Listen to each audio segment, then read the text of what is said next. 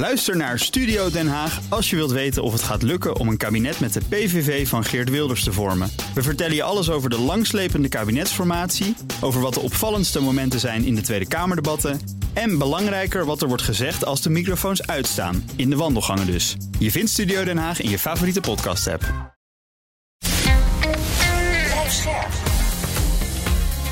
BNR Nieuwsradio.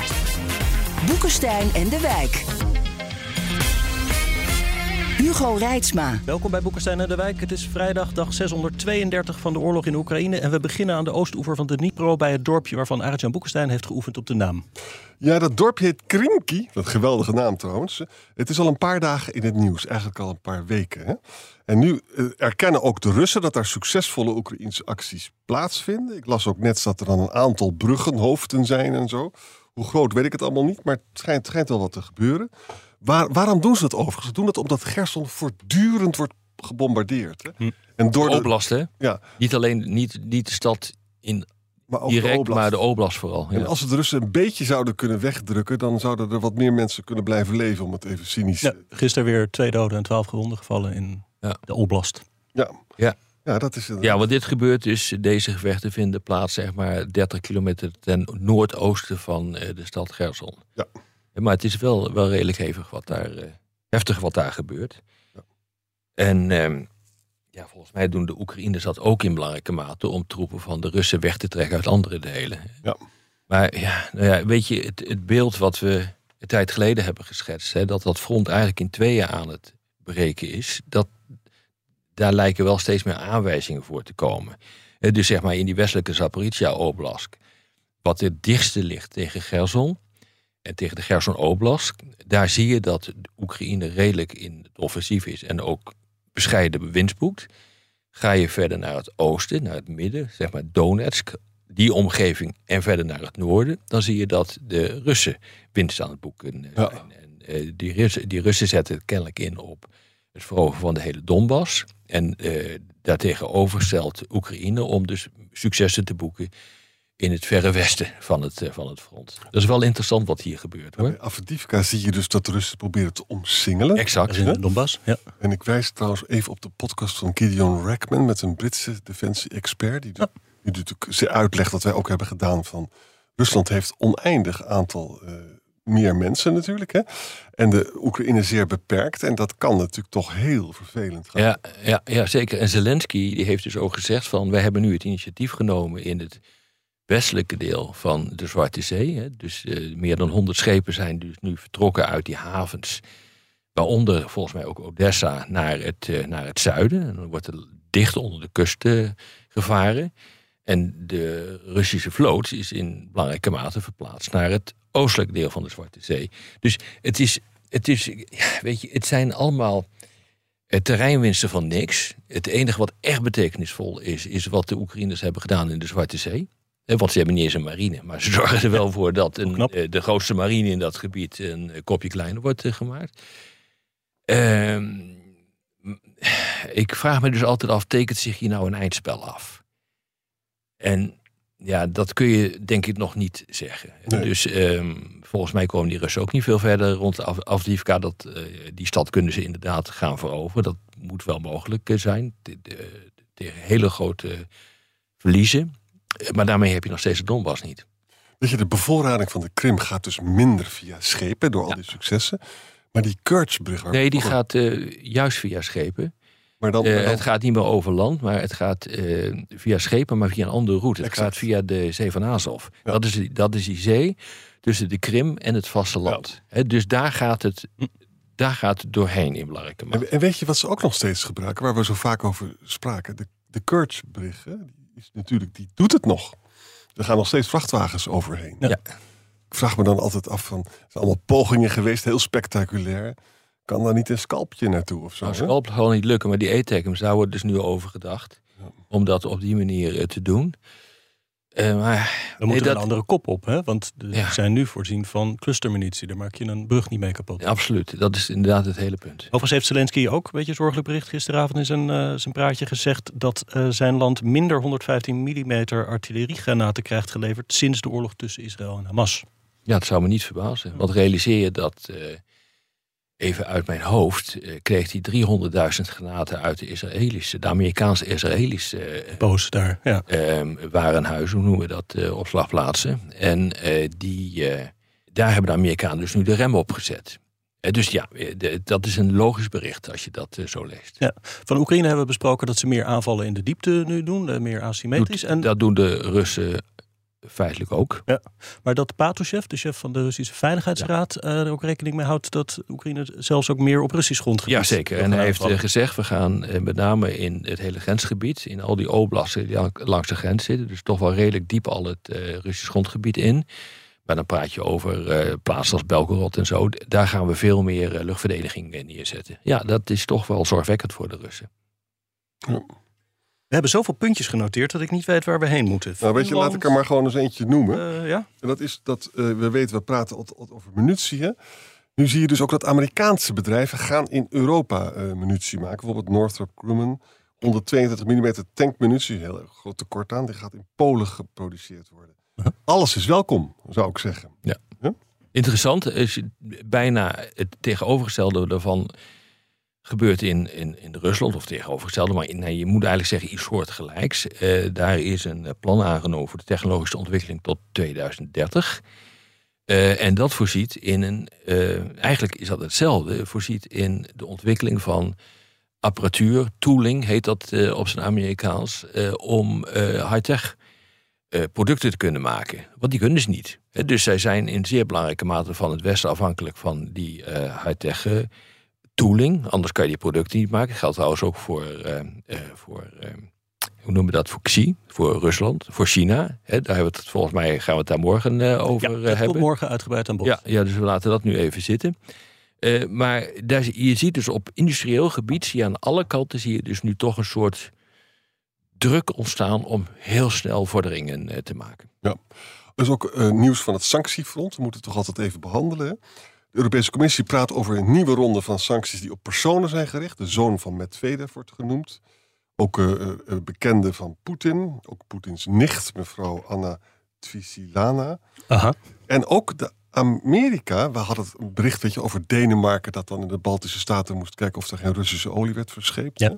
Nou, de G7 had een price cap, weet je nog? Van je mocht dus niet Russische olie vervoeren als dat boven die price cap zit. 60 dollar. Ja. Ja, en de Amerika gaan nu dus sancties op, op schepen en ook eh, kantoren die dat doen, eh, die die Russische Als olie... het toch boven die Ja. prijs is veranderd. Ja, en er was recent een bericht. Ik weet niet hoe dat bij elkaar was geplust. Maar dat feitelijk de Russische olie voor zo'n 80 dollar. Dus 20 boven Ja. de price cap werd verhandeld in de praktijk. En dat het eigenlijk best makkelijk te omzeilen is. Want dan zeg je nou hier heb je 60 dollar per vat. En dan uit de andere hand zeg je nou en dan heb je hier nog wat geld. Waardoor het in de praktijk niet te controleren is. En veel van die schepen die zetten hun transponders uit en, die zijn, eh, en dan wordt er overgepompt op zee. Hè, daar, daar is ook redelijk wat onderzoek naar gedaan. Dus dat is ook een, echt een probleem. Maar misschien toch nog even over die sancties, ook van de Europese Unie.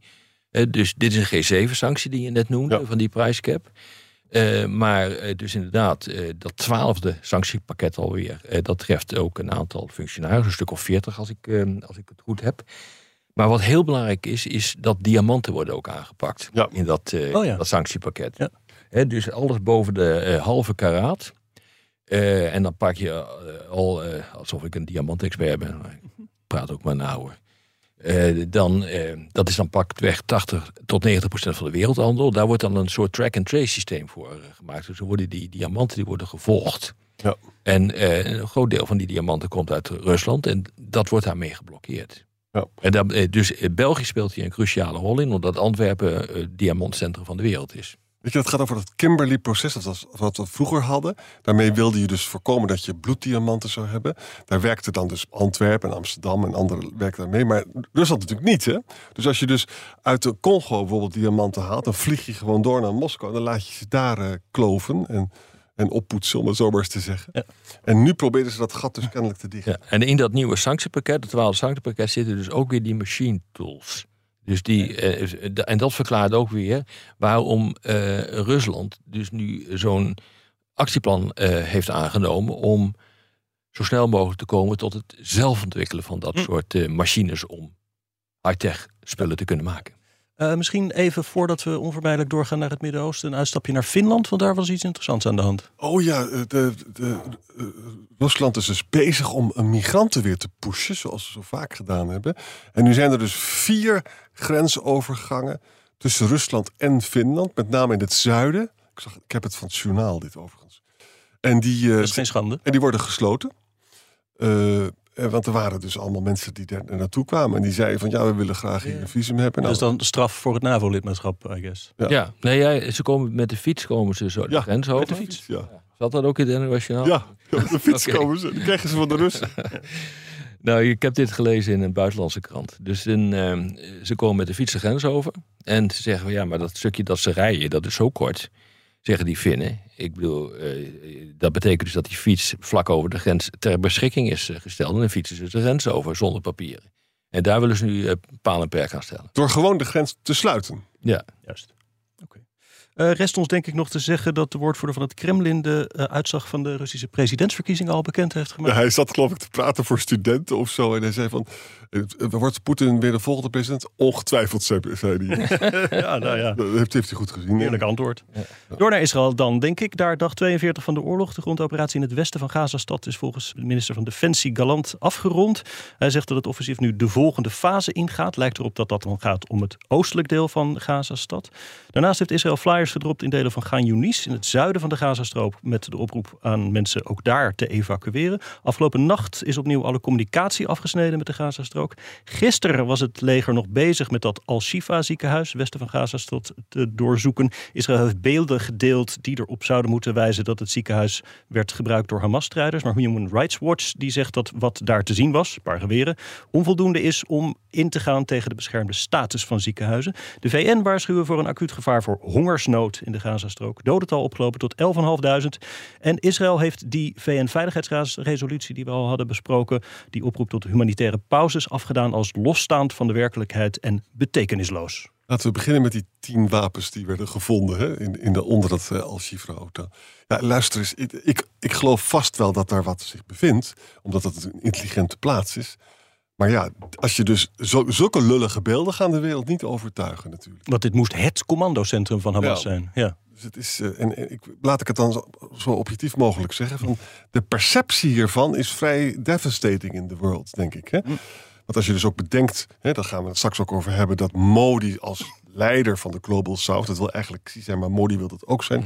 Die gaat nu een virtuele top houden met meer dan 100 landen van de Global South. Nou, die kijken heel erg naar dit soort beelden. En het heeft een enorme impact op ze, omdat zij vinden dat uh, Israël te harde, te harde militaire strategie kiest.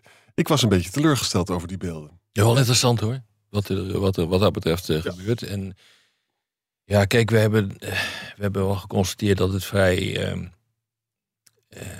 vrij verklaarbaar is dat er in de buurt of onder of waar dan ook uh, van zo'n ziekenhuis commandocentrales zitten. Ik bedoel, het is gewoon een stad.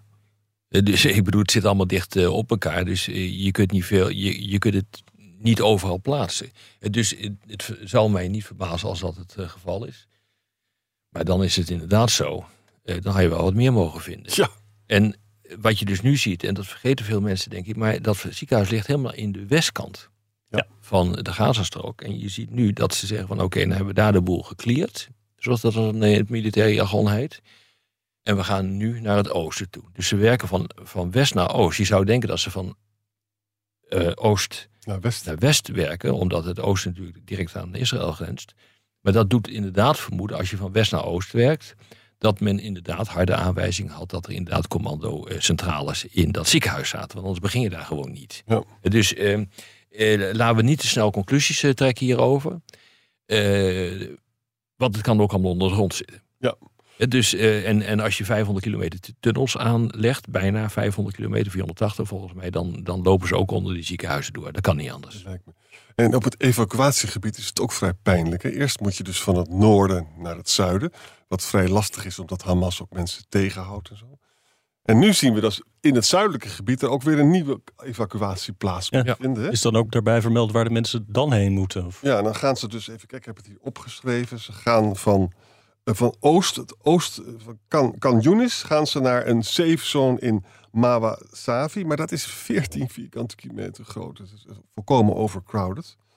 En dus krijg je natuurlijk dat 18 UN-agencies en ook NGO's zeggen: ja, maar dat kan gewoon allemaal helemaal niet. Dus het levert hele pijnlijke beelden op. En dat gaat natuurlijk in de informatieoorlog die aan de gang is. Nou, ik wil toch nog even zeggen dat ik het toch, ik blijf het gewoon vreemd vinden dat je geen berichten hoort of zeer spaarzame berichten. Af en toe hoor je het iets dat, dat, dat, die, dat die bevolking die tegen Hamas zegt van laat in godsnaam die vrij, eh, gijzelaars vrij en red ons uit deze situatie. Dat Ja. gebeurt dus niet. En dat komt dat ze bang zijn voor Hamas. Ongetwijfeld. Ongetwijfeld. Maar de geschiedenis leert ook dat als je bang bent en je positie is hopeloos, dan heb je niks meer te verliezen. Ja. En dan kan je wel degelijk eh, zeggen van hou hier even mee op. En, eh, dus ik, ik heb het gevoel dat die steun voor Hamas nog steeds groot is. Even nog die, die resolutie van de VN-veiligheidsraad. Dat is toch wel een, een nieuwe stap. Dat Ja. dus de Verenigde Staten die inderdaad niet heeft geblokkeerd. Ja. Oproep eh, stond daarin tot een betekenisvolle humanitaire pauze. Dus Engeland meer dan kortstondig. Kan Israël dat inderdaad dan gewoon zo naast zich neerleggen en zeggen... Dat is juridisch bindend. Dus officieel kan het niet. Maar het zal niet de eerste keer zijn dat ze dat, eh, dat, ze dat doen. Het rekken. probleem is, kijk, het probleem is, ehm, wat ga je dan doen? Je moet het echt vanuit militair perspectief eh, bekijken. Eh, We kijken, we kijken er veel te veel vanuit de politiek en humanitair perspectief aan. Dat moet ook. Maar het militaire is voor eh, Israël is nu leidend. Mhm. Ik bedoel, je kan daar hoog of laag bij springen, maar dat is zo. Op het moment dat je zegt van we gaan een humanitaire pauze van drie dagen invoeren, ja, dan weet je natuurlijk ook zeker wat Hamas gaat doen. Hè, die, bedoel, die gaat zich hergroeperen, die gaat eh, zijn posities eh, gaat hij eh, versterken. Die gaat misschien wel op andere plekken zitten.